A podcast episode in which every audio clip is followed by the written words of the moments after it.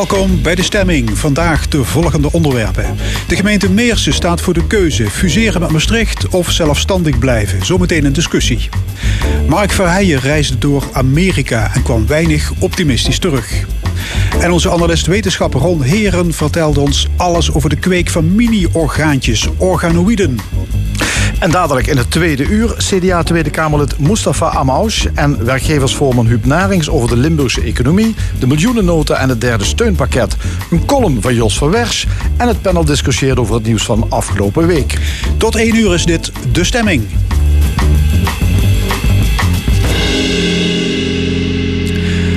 Politieke turbulentie in Meersen en dat is niet voor het eerst. De gemeente worstelt met een tekort van 2 miljoen euro en de financiële vooruitzichten zijn niet rooskleurig. De gemeenteraad zoekt daarom aansluiting bij grote buur Maastricht. Geen fusie, dat is een brug te ver, maar wel een zogenoemde regie-samenwerking. Maar die constructie heeft de Maastrichtse gemeenteraad deze week afgeschoten. Hoe nu verder? Toch herendeling of zelfstandig verder ploeteren? De hamvraag is eigenlijk: kunnen gemeenten van 20, 30, 40.000 inwoners nog langer op eigen benen staan? We gaan erover discussiëren met twee raadsleden van Meersen: Jacques Arns van de fractie Brug M en Jacques Aarts van het CDA. Welkom allebei, goedemorgen. Meersen heeft 19.000 inwoners. Uh, Jacques Arns, waarom kan zo'n gemeente niet zelfstandig blijven? Goeie vraag. Um, dat heeft te maken met een aantal factoren. Um, ik zal het proberen helder uiteen te zetten. Het is niet eenvoudig. Um, de gemeente Meersen heeft uh, een groot vermogen. Iets van 31 miljoen. Dat hebben wij beschikbaar. Dat zijn zogenaamde algemene reserves. En dat is het probleem niet. We zijn dus rijk, zo zou je het kunnen zeggen. Waar we een probleem hebben, dat is de exploitatie. Wij worden constant uh, belaagd door het Rijk, zou je kunnen zeggen, met allerlei taken en, en, en opdrachten die we moeten uitvoeren. Een van de grootste opdrachten die we hebben gekregen is het zogenaamd sociaal domein. Bestaat uit voornamelijk WMO en niet te vergeten het, uh, laten we zeggen, het gedeelte wat betrekking heeft op uh, de jeugdzorg. Dat zijn de twee grootste posten. Dat is een zogenaamde open eindregeling. Dus elke verwijzing die we krijgen naar jeugdzorg of naar de WMO, die dient de gemeente te betalen. En dat kost gewoon veel geld? Dat kost heel veel geld. Eh, ongeveer de helft van de totale begroting is dit sociaal domein. Uh, daar krijgen wij gewoon veel te weinig middelen voor van het Rijk via het gemeentefonds. En dat heeft gewoon te maken met de omvang van Meersen met die 19.000 inwoners. Onder andere. Hè? Iedereen heeft uh, die problemen. En u weet inmiddels van de pak een beet 355.000 uh, 355 gemeentes in Nederland is ongeveer 250 van de gemeenten in de problemen. Ja. Um, Jacques Aarts van het eh, CDA, ook aan tafel hier. Um, de gemeenteraad van Meersen wil toch in meerderheid zelfstandig blijven. Brug M, eh, we hoorden zojuist, dat is eigenlijk een minderheidsgeluid. Waarom vindt de overgrote meerderheid van de Raad dat Meersen wel kan blijven bestaan?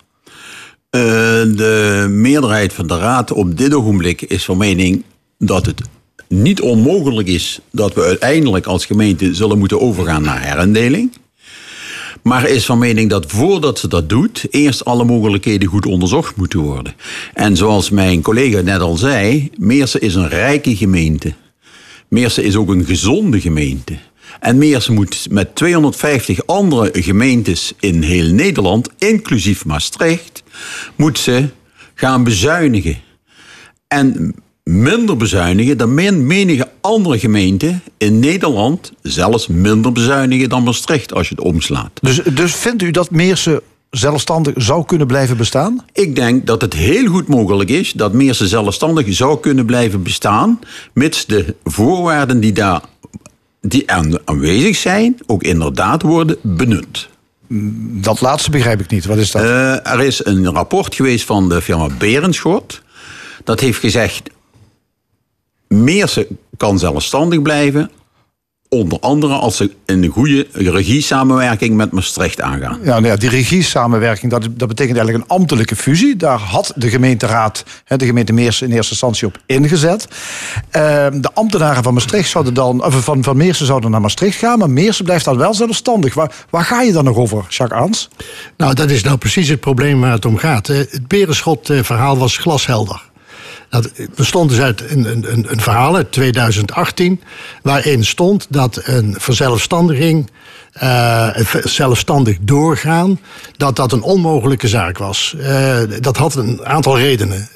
De belangrijkste reden is niet alleen het geld, maar ook het ambtelijk apparaat. Ja, maar dat zou, dat zou in die optie zou dat naar Maastricht gaan. Ja. Uh, maar ja, goed, het hele, uh, het hele plan is afgeschoten Precies. door de gemeenteraad van Maastricht. Dus het heeft ook geen Ja. zin meer om daarover te praten nog. Dus blijft het probleem bestaan. Jacques Aerts, Ehm, CDA? Laat ik zo zeggen. Ik weet niet hoe het in Maastricht werkt, maar in Meersen werkt het eenvoudig. Er is een raadsadviesvergadering, waarin de, de agenda van de vergadering, van de daaropvolgende raadsvergadering wordt besproken.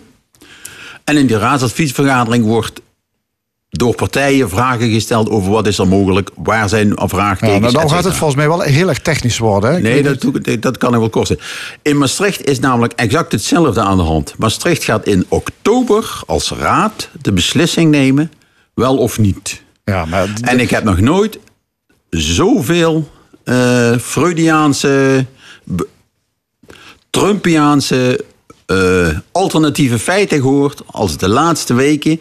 En ik heb met aandacht geluisterd naar de raadsvergadering van Maastricht, de laatste. De raadsadviesvergadering noemen we dat in Meersen.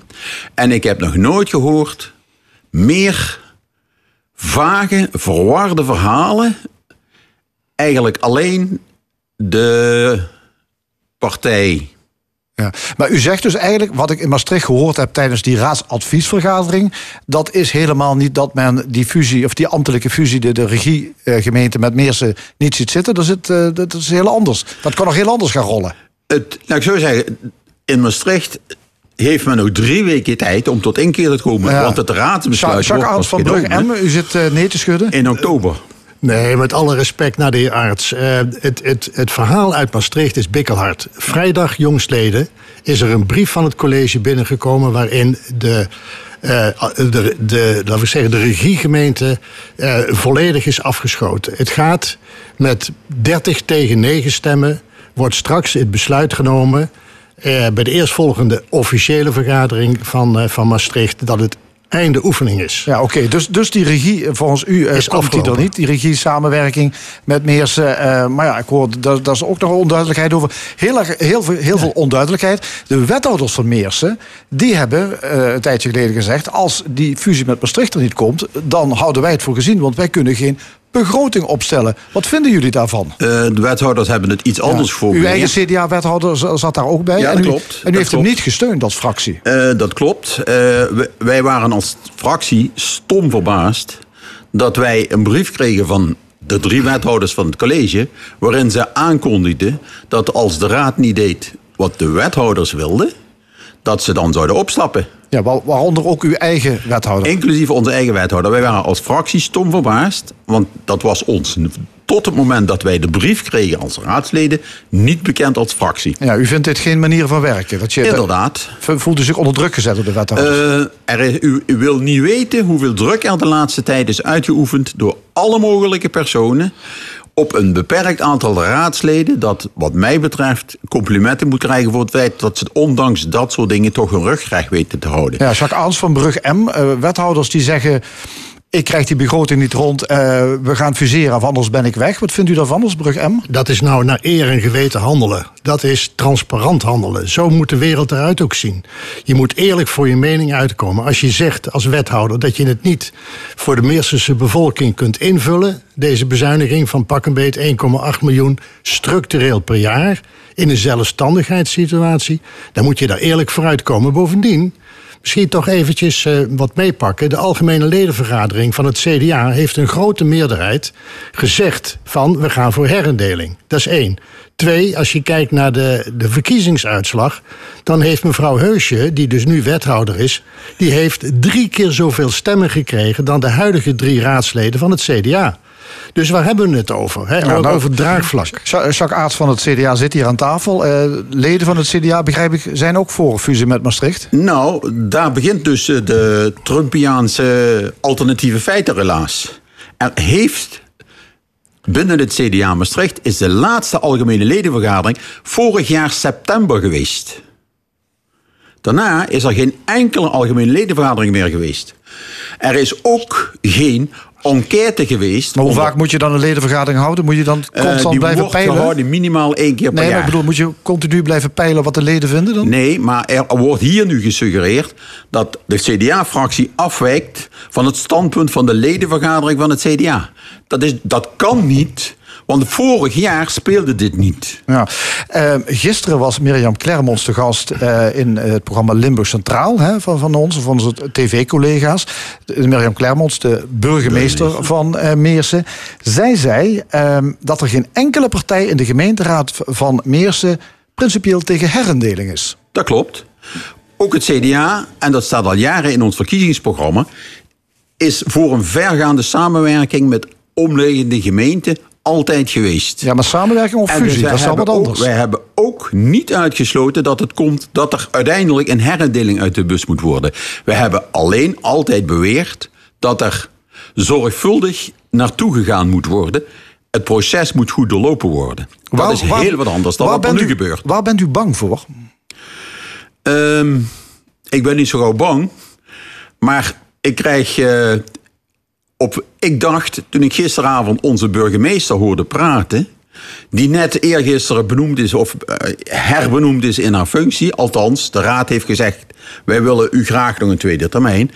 En ik dacht gisteren even dat ik naar het PR-team van Trump zat te luisteren. Op vijf minuten tijd in een interview werd er dus gewoon onwaarheden verteld of alternatieve feiten gepresenteerd. Die dus gewoon kan Ja, maar wel raken. Een voorbeeld? Een voorbeeld. Ja. In het rapport, er, wordt, er werd gisteren verteld dat het rapport van Berendschot aangaf dat de zelfstandige de regieorganisatie, de, de, de regieorganisatieconstructie, maximaal acht jaar kon duren en dat dan herwaardeling zou volgen. Degene die in de stuurgroep gezeten heeft, en dat zijn dus een heleboel collegeleden, inclusief de burgemeester, die weten, want die vraag is gesteld aan de heer Van der Werf, die was de leider van, eh, van het eh, onderzoek van het bureau Berenschot, die heeft gesteld, het bureau Berenschot in dit soort zaken kan maximaal acht jaar vooruitkijken. Ja. Dat wil niet zeggen dat wil niet zeggen dat er daarna iets anders moet gebeuren, want daar kunnen we niks over zeggen. Dat is heel wat anders dan wat de burgemeester en Brughem en inmiddels een aantal partijen uit Maastricht zeggen. ja. Jacques Ans, Brughem. Nou, laten we er heel helder over zijn. Het Berenschot-rapport is glas en glashelder. En geaccepteerd door alle 17 raadsleden. Daar staat in dat eh, een zelfstandig doorgaan van de gemeente Meersen. Dus een puur zelfstandig doorgang van de gemeente Meersen. Dat is onhaalbaar. Dat zou doormodderen betekenen. Gelet op de problematiek die in het ambtenarenapparaat bestaat. Want we hebben veel eenpitters. Hè, dat is een eigenschap die je vaak terugvindt in kleine gemeentes. Een ambtenaar die alleen een heel beleidsterrein Die doet eh, een heel doet. beleidsterrein. Ja. En als de Ja. betreffende ambtenaar ziek is, zijn er grote problemen. En dat soort problemen, daar gaat de CDA volledig aan voorbij. Het is dus één, een financieel probleem. Het is een ambtelijk probleem wat een rol speelt. En onze rol in de, in de regio is miniem. Dat Ja. is er officieel erkend. En, en ook, en ik vind meneer, eh, ik ik vind het op dat punt heel erg belangrijk. Het is ook geaccepteerd door alle 17 raadsleden. Nou, op dit moment hebben we twee smaken. De eerste smaak is, we gaan zelfstandig door. Wat door Berenschot wordt afgewezen en erkend is door alle raadsleden.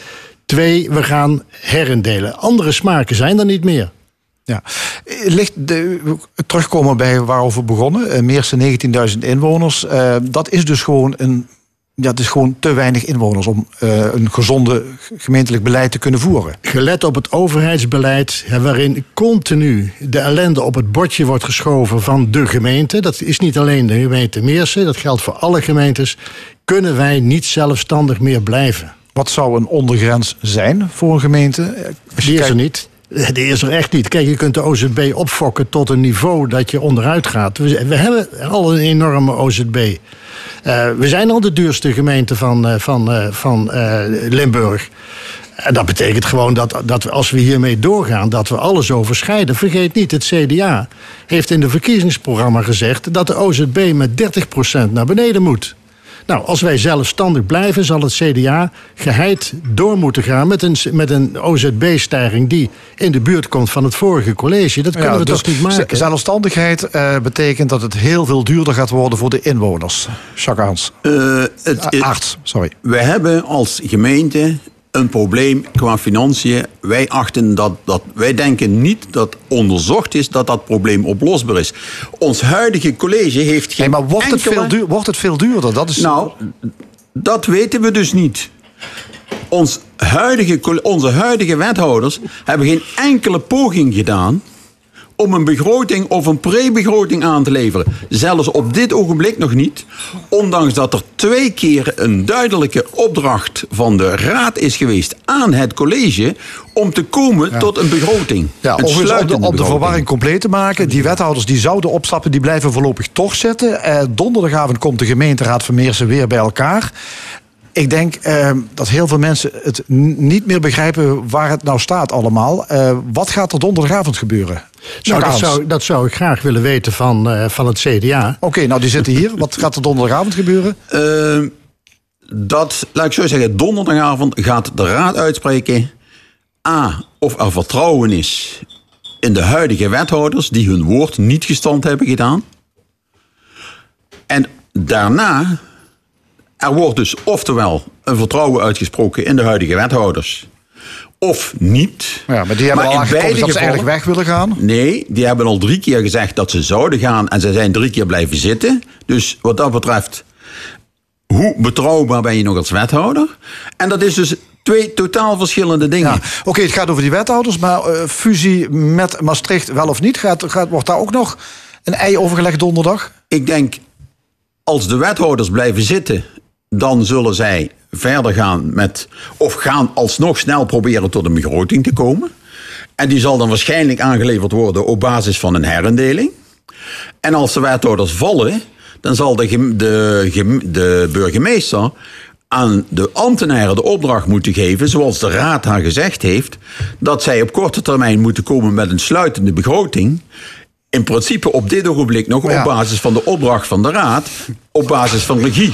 Dat kan niet meer waarschijnlijk. Oké, eh, eh, misschien uh, moeten we kijken of we nog een samenvatting kunnen maken. Want uh, ik denk dat veel uh, inwoners van Meersen de draad een beetje kwijt zijn. maar wordt ongetwijfeld vervolgd. Dankjewel voor jullie komst naar de stemming. Jacques Arns van Brug M en Jacques Aarts van het CDA. Graag gedaan.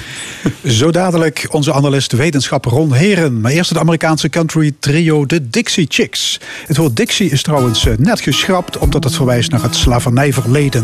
Tegenwoordig heten ze dus simpelweg de Chicks. Dit is het nummer I Can Love You Better.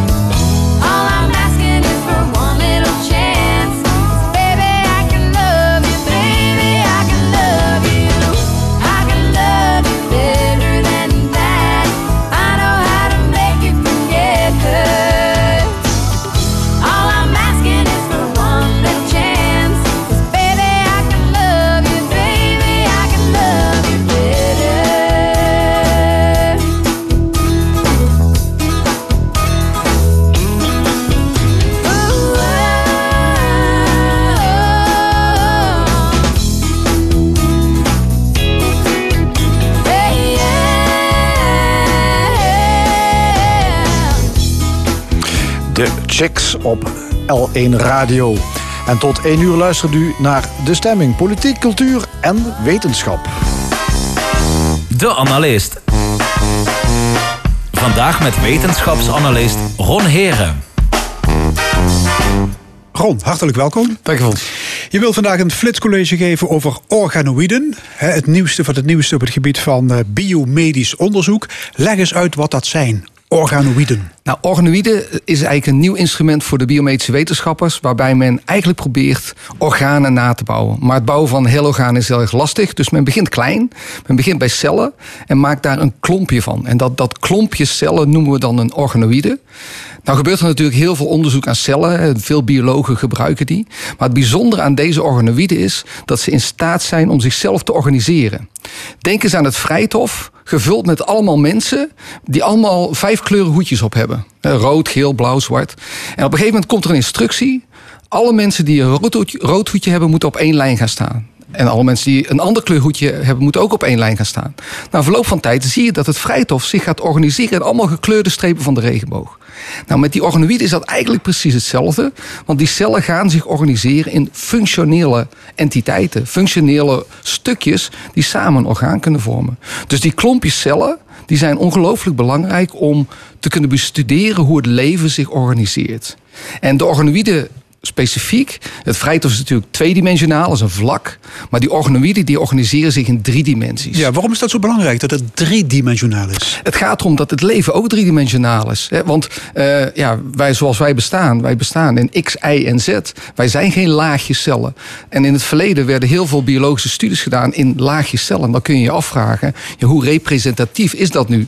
Maar juist in die drie dimensies kom je steeds dichter bij echte functioneel leven. Ja, en aan welke mini-organen moeten we denken? Hart, longen, lever? Aan alle, eigenlijk aan alle organen wordt wel onderzoek gedaan. En dat is ook het mooie aan die organoïden. Als je ze de juiste instructies geeft, dan kunnen ze vanuit stamcellen groeien naar allerlei verschillende soorten types. Je kunt denken inderdaad aan nieren, wordt heel veel onderzoek naar gedaan. Lever, alvleesklier. Er wordt gewerkt aan het behandelen van diabetes type 1 bijvoorbeeld. Met, met dat soort uh, kleine mini-orgaantjes, eilandjes van lange ja, En dat is meteen een antwoord op de vraag waarom die organoïden zo belangrijk zijn. Ja, Omdat je er wetenschappelijk onderzoek mee kunt.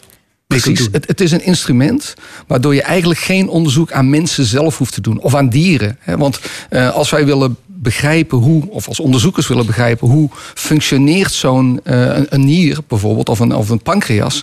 Ja, je kunt niet even een pancreas uit uh, een mens nemen en daar eens even lekkere studies aan gaan doen. Terwijl met die organoïden kun je ze eigenlijk op hele kleine schaal, dus op micrometerschaal, want we praten niet over hele organen, maar uh, ze zijn nou, een paar honderd micrometer groot, kun je gaan bestuderen wat gebeurt nu in dat leven. Hoe reageren ze op therapie? Hoe werken bepaalde instructies? En, en dat maakt het zo'n prachtig stukje gereedschap voor de moderne bioloog. Ja, en je kunt er zoveel ma maken als je wil. Ja, Want ja, hè, je zei net, het is niet belastend voor mens of dier. Nee, nee dus... dat is ook het mooie eraan. Je kunt ze in een petrischaaltje laten groeien. En je kunt ze bij duizenden tegelijkertijd laten groeien. En dan kun je dus een hele plaat maken en dan allemaal verschillende condities gaan testen. Het is eigenlijk een beetje een, een stap tussen het onderzoek aan een enkele cel en aan een heel dier of mens. En wetenschappers zijn altijd op zoek naar om hun vragen makkelijker te maken. Hè, door iets wat kleiner te maken en dan met één input, met één knopje te gaan spelen, kun je kijken hoe reageert dat organoïd in dat geval op dat ene knopje. Um, en op het moment dat het steeds complexer wordt, en daar zijn de wetenschappers natuurlijk mee bezig. Ze proberen die organoïden steeds complexer te maken. Um, ja, zijn de parameters groter en wordt het probleem dus groter. Dus het reduceren van het probleem tot, laten we zeggen, alleen maar uh, darmcellen of alleen maar levercellen. Ja, maakt het ook makkelijker om hele concrete fundamentele vragen te stellen. En dat is er zo leuk aan. En welke knappe kop heeft het bedacht? Nou, het is heel leuk, want het is een vinding met een, uh, met een redelijk Nederlands tintje. Uh, Hans Klevers is een van de pioniers. Die als eerste in 2009 in staat is geweest om een van een darm te maken. Hij heeft een virus, een darmvlokje gemaakt. Wat zichzelf ook kon regenereren. En dat was het eerste functionele organoïde. Um, Hans 2009 ook... heb je het over, dus al elf jaar geleden. Ja, het is al elf jaar geleden. Ja. Ja, het, is, het is niet eenvoudig. Je moet je voorstellen dat dat vrijt, of dat kun je makkelijk door een toeter roepen van uh, dames en heren, organiseren volgens de kleur van van uw hoedje.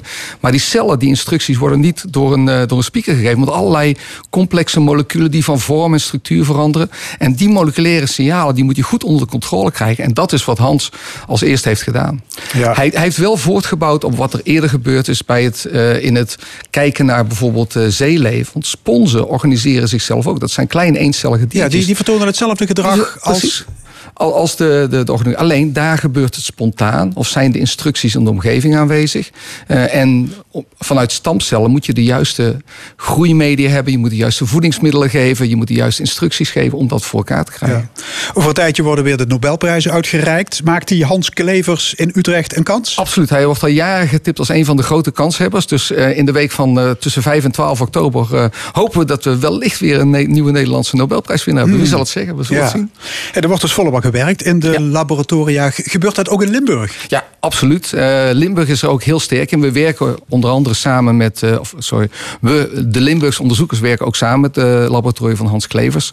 Um, een mooi voorbeeld recentelijk is in de huidige coronacrisis, is dat er in Maastricht organoïden zijn bekeken met onze supermicroscopen. En dat we hebben laten zien dat het coronavirus ook darmorganoïden kan infecteren. En dat gebeurt samenwerking met Marion Koopmans en Hans Klevers. In de groep van Peter Peters hier eh, aan de Universiteit Maastricht. Maar er gebeurt nog veel meer onderzoek. We hebben een instituut dat zich richt op regeneratieve geneeskunde. Nou, dat is bij uitstek het veld wat, zich, wat kijkt naar hoe kunnen we dat soort zelforganiserende cellen gebruiken om ja, wonden, organen, tumoren te, te genezen. Denk aan uh, behandeling van type 1 diabetes. Maar denk vooral ook aan hoe kunnen we kankertherapie het beste precies en persoonlijk maken. Je kunt, kunt je voorstellen, en dat doen onderzoekers aan de Universiteit Maastricht en het MUMC, dat we kankercellen wegnemen bij een, uh, een patiënt. We groeien die uit tot mini-tumoren, dat worden dan tumoroids. En daar groeien er duizend van. En we gaan al die complexe tumororgaantjes, mini-tumoren, uh, behandelen met verschillende geneesmiddelen mixen. En uiteindelijk zoeken we buiten het lichaam van de patiënt uit welke therapie werkt het beste. En op die manier zou je dus voordat je aan de behandeling begint, eigenlijk al weten hoe reageert die tumor, op welke behandeling reageert die tumor nou het beste. Ja, en dat, dat is echt de kracht van dat soort organoïden. Een klein beetje van de mens groeien buiten het lichaam en dan kijken welke behandeling het beste is. Ja, dat, dat maakt het zo'n fantastisch onderzoekinstrument. Ja, dat is iets wat jij zelf ook doet, hè? Dit, uh, dat ja, wij doen het ook een beetje. Dat, dat laatste, uh, wij doen zelf geen onderzoek aan organoïden, maar we doen onderzoek met organoïden. Uh, wij bestuderen met onze moleculaire microscopen. Ja, waar komen die geneesmiddelen nu terecht in die organoïden? Hoe reageren die organoïden op die geneesmiddelen? Om daarmee ook een beter inzicht te krijgen. Ja, en welke instructies worden nu aan en uitgezet? En hoe kun je dat zo efficiënt mogelijk doen? Want bij een tumor wil je alleen maar één instructie hebben. Tumor, help jezelf om het leven. Hè. Dus je wilt, dat noemen ze dan uh, apoptose aanzetten. Dus die, die georchestreerde celdood. En ja. dat, dat, uh, dat doen wij ook. En wij maken daar dus beelden van. Ja, ik uh, zit me zo te bedenken. De, de farmaceutische industrie, die zal hier ook heel erg geïnteresseerd in zijn. Hè? Want ja, je kunt dus met zo'n geneesmiddel dan veel preciezer te werk gaan. Absoluut. En wat nog mooier is voor de farmaceutische industrie, je hebt geen proefdieren nodig. Je hoeft minder experimenten aan mensen te doen. Uh, de farmaceutische industrie kan, zoals je al zegt Frank, um, heel duidelijk zien naar welke signalen reageren nu het beste op de nieuwe geneesmiddelen. Je kunt naar toxiciteit kijken. Gaan cellen dood? Soms wil je niet dat cellen doodgaan, maar juist iets anders gaan doen. Dus voor hen is het een, een enorm belangrijk onderzoeksinstrument. Wat jammer is, het is farmaceutische industrie, dus er zijn heel veel commerciële belangen. Als wetenschapper zie ik dat er veel in de farmaceutische industrie gebeurt. Ze publiceren wat minder. Ja, want ze willen ja, jij weet niet wat, wat zij precies weten natuurlijk. Niet alles. Nee, nee. Pas nadat het gepatenteerd is. Maar ja, dan zie je ook dingen dat je... God, dat hadden wij ook kunnen gebruiken. Maar heel belangrijk onderzoeksinstrument om het niveau en behandelplannen van de toekomst uh, ook op een hoger niveau te tillen. Ja. Ik kan me zo voorstellen dat mensen nu ook denken, ja, ze kunnen dus op een gegeven moment ook ze, de wetenschappers, die kunnen dan dadelijk misschien wel hele organen gaan nabouwen.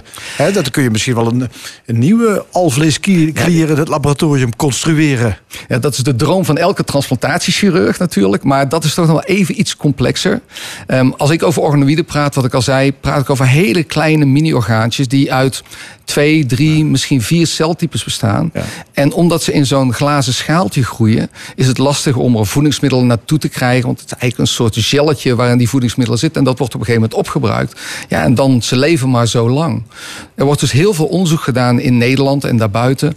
Om te kijken, kunnen we niet ook organoïden genereren waar bijvoorbeeld bloedvaten in groeien? Ja, dus het wat complexer te maken, zodat we aan- en afvoerwegen krijgen, die ook afvalstoffen afvoeren. Maar ja, dat is nog een hele uitdaging. Dus we zijn nog lang niet zover dat we echt hele organen kunnen groeien. Ehm, voor hele simpele dingen zoals kraakbeen gaat dat wel. Jullie hebben allemaal ongetwijfeld wel eens gehoord dat je een stukje oor kunt laten groeien op de rug van een muis. Dat zijn uh, nou, tien jaar geleden prachtig plaatje de wereld ingegaan. Nou, dat kunnen we ook als orgaan beschouwen. Maar een functionele nier, een functionele alvleesklier, dat is op dit moment nog een brug te ver. Maar er wordt heel veel aan gedaan. Ja. Um, ja, als we dan toch even blijven dromen, uh, want dat doe je als wetenschapper natuurlijk ook. Organen die misschien verbonden raken of worden met een chip, waardoor je elektronisch... Ja, misschien heb je net de, de lift gezien. Uh, daar waar ja, heel lang geleden al eens gezien. nou, daar groeide een brein als een onderdeel ja, van... Scenario-schrijvers zijn al een stuk verder. ja. Ja. Nou, het, het, mensen denken erover na. Ja, want vertel even wat er in de lift... Uh... In de lift werd een, een lift bestuurd door een uh, biocomputer... waar een soort mini-brein in zat... wat ja. een eigen leven was gaan leiden... waardoor de lift ook een eigen leven ging leiden. En Dick Maas liet die lift allerlei hele vervelende dingen doen. Daar zullen we nu op de radio niet op ingaan. Um, maar het concept... Um, een biologisch systeem verbonden met een stukje elektronica spreekt natuurlijk enorm tot de verbeelding. Um, ook voor mij als onderzoeker, ik vind dat geweldig om daarover na te denken. Um, er zijn ook mensen bezig die breinorganoïden maken. Ja, en dan ligt het voor de rand om te gaan kijken wat voor elektrische impulsen kun je daaraan meten. Dat gebeurt dus ook. Is het functioneel? Nee. Maar helpt ons te begrijpen hoe dat soort signaaloverdracht in het brein werkt. Wat, hoe die communicatie tussen die organoïden en de buitenwereld is. Zeker. Dus vanuit een fundamenteel perspectief ongelooflijk belangrijk om te doen. Um, het gebeurt. Maar we zijn nog niet zover dat we echt een functioneel brein op een chip kunnen zetten. Dat uh, wellicht een hele echt science, science, fiction, ja. Ja, dit soort ontwikkelingen, um, die, die, roepen ook wel tegenstrijdige gevoelens op. Hè. Het klinkt ja. natuurlijk fantastisch wetenschappelijk. Maar je kunt je afvragen of alles wat kan ethisch ook wel verantwoord is? Ja, dat is een hele lastige discussie uh, en een hele belangrijke discussie om te voeren. Um, die ethische discussie, uh, als je nadenkt over wat er met organoïden kan. Uh, een van mijn collega's, Clemens van Blitterswijk en zijn postdoc Niklas Rivron, die hebben een twee jaar terug, in 2018, hebben ze een blastoïde gemaakt. En dat is eigenlijk een soort mini-embryootje. Het was nog niet levensvatbaar van een muis. Ja, en dat riep onmiddellijk ontzettend veel ethische vragen op. Ja, hoe maakbaar is het leven? Mogen we dat als wetenschapper? Frankenstein. Ja. Frankenstein, ja, precies. Dus en wat ik heel belangrijk vind, is dat wij als wetenschappers die discussies ook aan blijven gaan met de ethici.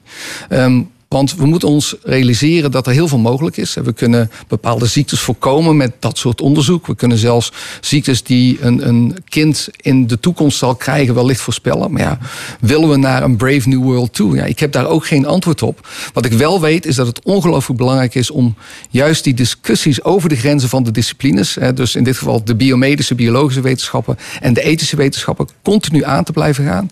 En dat is gelukkig waar wij in Limburg ongelooflijk goed in zijn. Van vanwege het interdisciplinaire onderzoek wat we aan de UM aan het doen zijn. Ja, je wil ook niet hebben dat er dadelijk weer een Chinese dokter komt die misschien al wat dingen doet die wij toch weer niet willen. Hè? Maar, Precies. Ja. Oké, okay, dankjewel voor dit uh, flitscollege. Ron Heren. Graag gedaan. Zo dadelijk in de stemming Mark Verheijen. Hij maakte een reis door het land van de Trump-stemmers en schreef er een boek over. En daarin noemt hij Bruce Springsteen in veel opzichten een Limburger. Nou, dat mag je zo meteen uitleggen. Hier is de bos met 10th Avenue Freeze Out.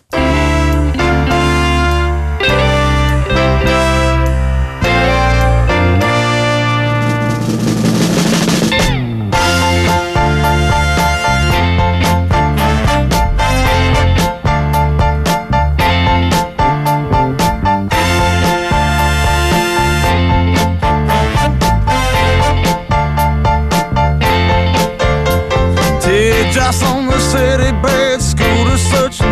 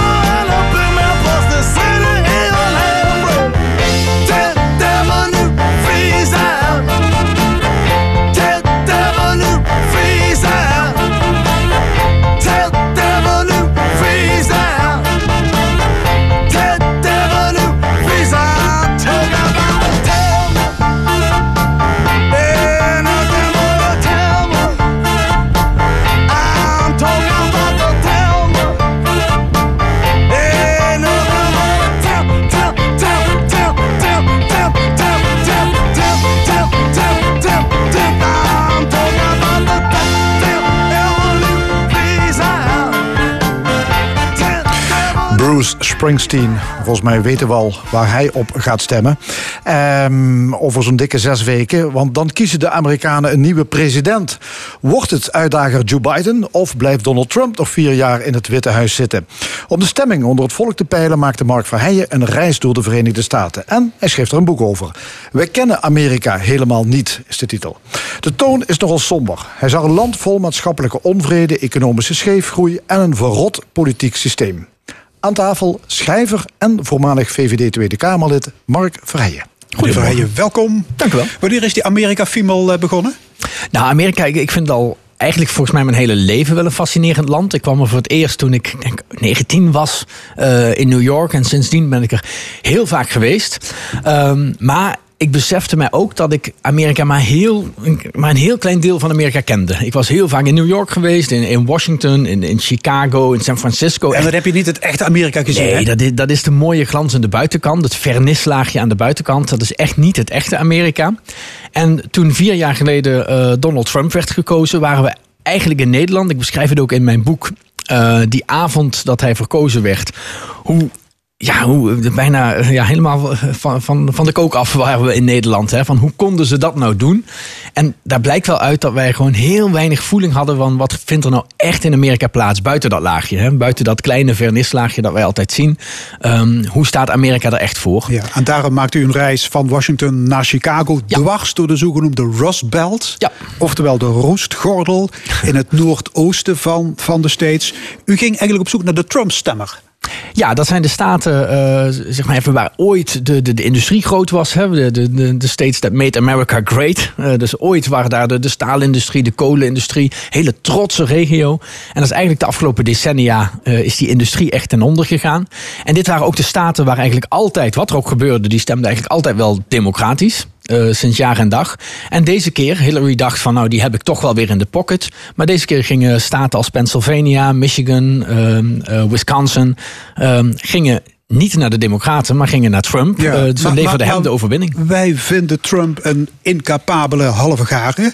Maar in die oude industriegebieden is massaal op die man gestemd. Ja. Waarom? Nou, nou, massaal, het was echt 50-50 daar. Uh, en de opkomst moet je ook altijd beseffen. De opkomst is heel laag in, in Amerika. Veel lager uh, dan bij ons. En het was echt 50-50. Bijvoorbeeld in een enorme staat als Michigan uh, was het een verschil van 8000 stemmen. Nou, dat is zeg maar één ochtend campagne voeren. Nee, okay, dat is wel een aardverschuiving. Want vroeger stemden Ja. ze democratisch. Ja, en nee, nu zijn ze overgestapt op Trump. Ja, en zij hebben uiteindelijk inderdaad Trump aan de overwinning geholpen. En dat mogen ook de Democraten zichzelf wel, wel echt aanrekenen. Ja, ik las in uw boek dat sinds de jaren 80 7,7 miljoen banen in Amerika zijn verdwenen door automatisering en verplaatsing van arbeid naar lage loonlanden. En daar kwam niks voor in de plaats. Nee, en uh, die automatisering, uh, daar kun je uh, weinig tegen doen. Die verplaatsing naar die lage lonenlanden, dat is heel bewust beleid geweest in Amerika. Handelsverdragen met landen als China en dergelijke. Um, waardoor de producten, ja, de, de, productie massaal verplaatst werd. En dat hebben we in Nederland ook ooit meegemaakt. Hè. We hebben hier natuurlijk, de mijnen, de mijnen zijn hier ooit gesloten. Ja. We hebben in Enschede, Tilburg, die textielindustrie. Ja, scheepsbouw. Al, ja, alleen in Nederland hebben we altijd wel het idee gehad, we moeten daarvoor iets terugbrengen. Iets voor in de plaats moet daar komen. Hè. Nieuwe economie, nieuwe industrie. En dat is in Amerika eigenlijk nooit gebeurd. Waardoor daar hele regio's zijn. Ik ben echt wel geschrokken. Ik noem in het boek, uh, beschrijf ik uh, Wheeling, West Virginia. Echt een heel triest gebied. Ik ben weinig in de westerse wereld triestere regio's tegengekomen dan daar. Uh, waar gewoon alles verdwenen ja, is. Waar... reed met uw huurauto door die Ja. Rust Belt. Ja, ik ben en gewoon- u zag gewoon het economisch verval. Ja. Dichtgespijkerde woningen, Ja, het was net voor, eh, noem maar op. Ja, net voor de coronacrisis. Dus uh, toen uh, het stond de wereld er nog iets anders voor. Uh, maar ik heb gewoon inderdaad echt letterlijk een auto gehuurd. En ben op de Bonnefoy ben ik daar in Airbnb's geslapen, in motels. En gewoon geprobeerd daar een beetje te snappen van wat gebeurt er nou? Waarom zijn die mensen zo teleurgesteld? En gaan ze ons straks op 3 november bij die presidentsverkiezingen gaan ze ons weer verrassen? Ja. Maar u schrijft ergens, het ziet er soms uit als een ontwikkelingsland. En misschien is het dat op sommige punten ook wel. Ja. Amerika, Ja. ontwikkelingsland? Ja, het is echt. ehm, sommige gebieden waar je daar ziet, daar, daar, ja, daar word je. Wij denken af en toe eh, dat we in Nederland eh, de verschillen hebben. Maar daar zijn de verschillen wel echt enorm tussen de welvarende gebieden en de, de, de verarmde gebieden. En het ziet er ook, ja, daar, daar zie je industrie die we hier in de jaren 50 al lang hebben afgebroken. Ehm, en mensen, gewoon jonge mensen trekken weg daar. Eh, en de mensen die overblijven, ja, dat is niet wat wij zien op tv van de ja, Amerikanen. Ja, veel nummers van Bruce Springsteen gaan over die sociale problematiek. Hè? Ja. En dat bracht hij op de gedachte: Springsteen is in veel opzichten eigenlijk een Limburger. Ja, als je kijkt naar de, de, de thematiek waar eh, eh, Springsteen over zingt, zie je ook soms terug in, eh, met name in Zuid-Limburg, waar de industrie is weggetrokken, waar jonge mensen wegtrekken, waar mensen toch altijd het gevoel hebben van, ja, misschien ik zou hier nog wel weg willen, maar aan de andere kant ook het gevoel, de Bruce Springsteen nummers zijn daarvan doordrongen, van, ja, toch hoor ik hier uiteindelijk wel thuis. Hè. Mensen die wel weg willen, maar uiteindelijk toch of blijven of terugkomen.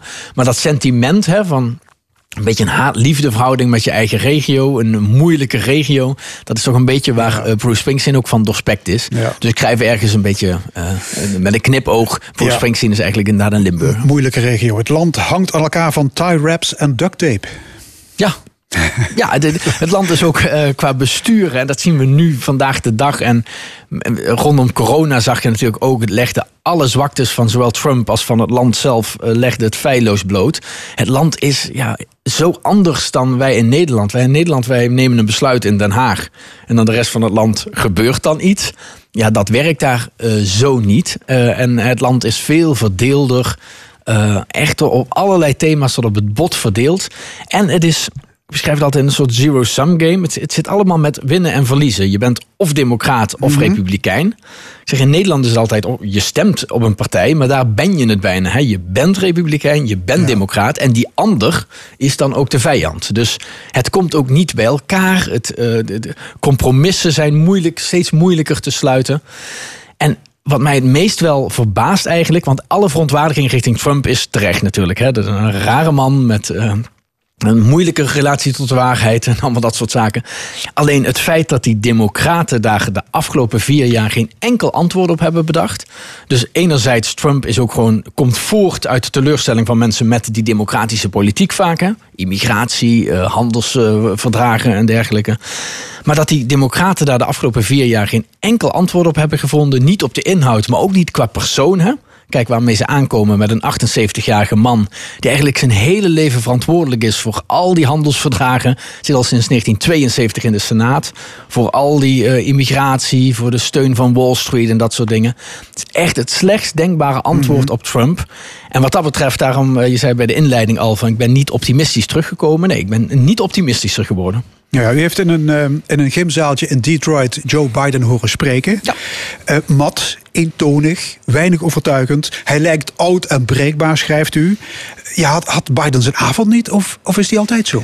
Nee, ik denk als je al zijn speeches ziet, af en toe pompt hij zich op en, eh, en vlamt hij even. Maar als je er gewoon dicht. Ik stond er echt heel dichtbij in de buurt en ik schrok daar echt van. Dus echt een oude, fragiele man. In tegenstelling tot Trump, als je daar eh, kijkt, dat straalt natuurlijk energie uit. Dat straalt een soort eh, boosheid en allemaal dat soort dingen. Dat, dat mensen inderdaad aanspreekt. Maar, maar kunt u het mij uitleggen hoe het kan dat de Democraten in vier jaar tijd geen betere kandidaat kunnen vinden dan Joe Biden? Yesterday's man. Ja. Hoe kan dat? Nee, dat kan ik ook niet uitleggen. Alsof dat is, ze het is- presidentschap niet willen. Ja, dat is ook mijn eh, verbazing dat die Democratische Partij zo in clans bij elkaar zit. Zo inderdaad op die oude eh, structuren voortborduurt.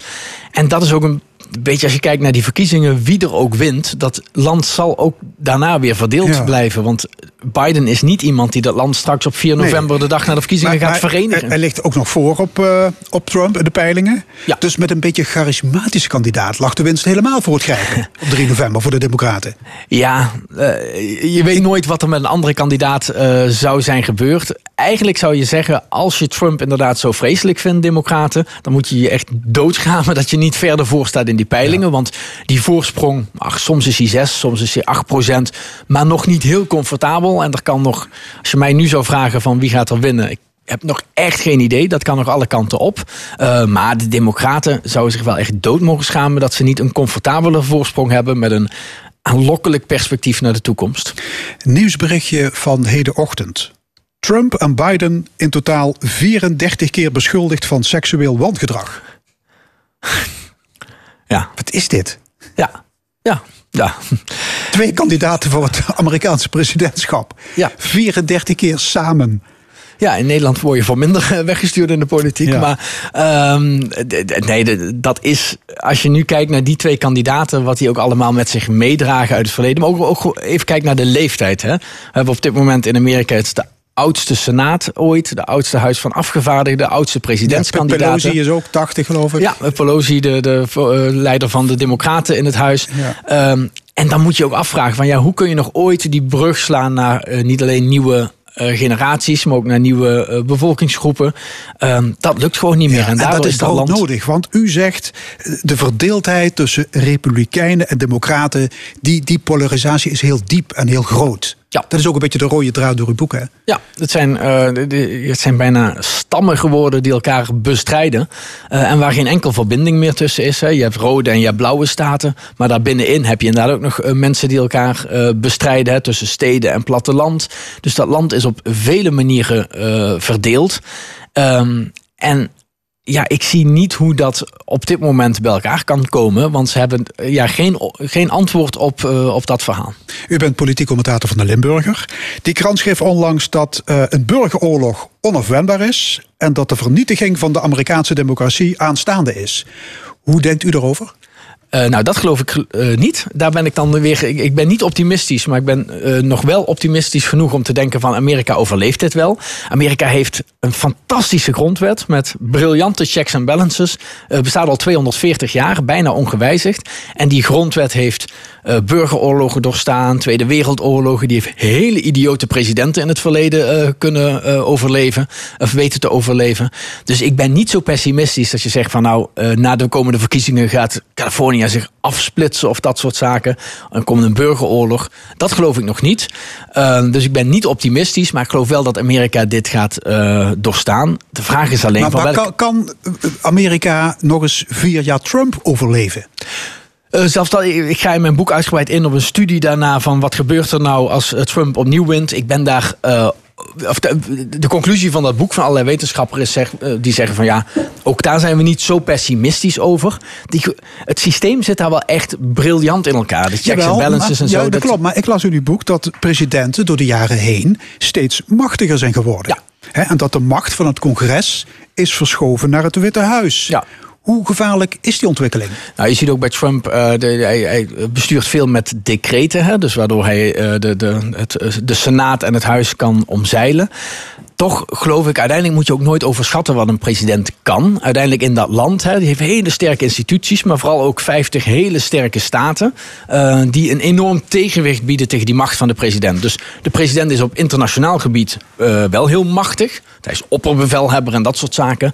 Binnenlands. Als je gewoon even kijkt naar gebieden van onderwijs, sociale zekerheid, ehm, eh, dat soort eh, zorg.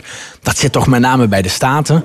Dus daar moeten we niet. eh, dus ook al wordt de president machtiger, die checks en balances van de instituten en andere gremia, die blijven. Ja, dit is Dat- toch de oerdemocratie, die staat als een huis. Daar ben ik niet, ook zelfs als Trump opnieuw wordt gekozen. Dat wordt vreselijk en allemaal niet om aan te zien misschien. Maar het zal niet de ondergang van Amerika zijn. Het zal misschien wel nog verder de rol van Amerika in de wereld... Hè, die, die, die, de, de, de, de leiderschapsrol van Amerika in de wereld... die de afgelopen jaren al aan... eh, een beetje is weggezakt, eh, zal hem nog verder aantasten. Het zal uiteindelijk niet het e- einde zijn van Amerika zoals we het kennen. Ja, denkt u dat onder een nieuwe periode Trump de positie van Amerika in de wereld daalt? Ja, je ziet, dat, je ziet dat ze nu niet meer. Ja, de moreel leiderschap op wereldtoneel is er niet meer. Trump heeft internationaal een paar goede dingen gedaan. Met China de wacht aanzetten, zeggen. Een aantal internationale organisaties proberen te hervormen. Eh, allemaal eh, hulde voor die dingen. Maar je kunt niet zeggen dat Amerika nu een soort morele leider is op het wereldtoneel.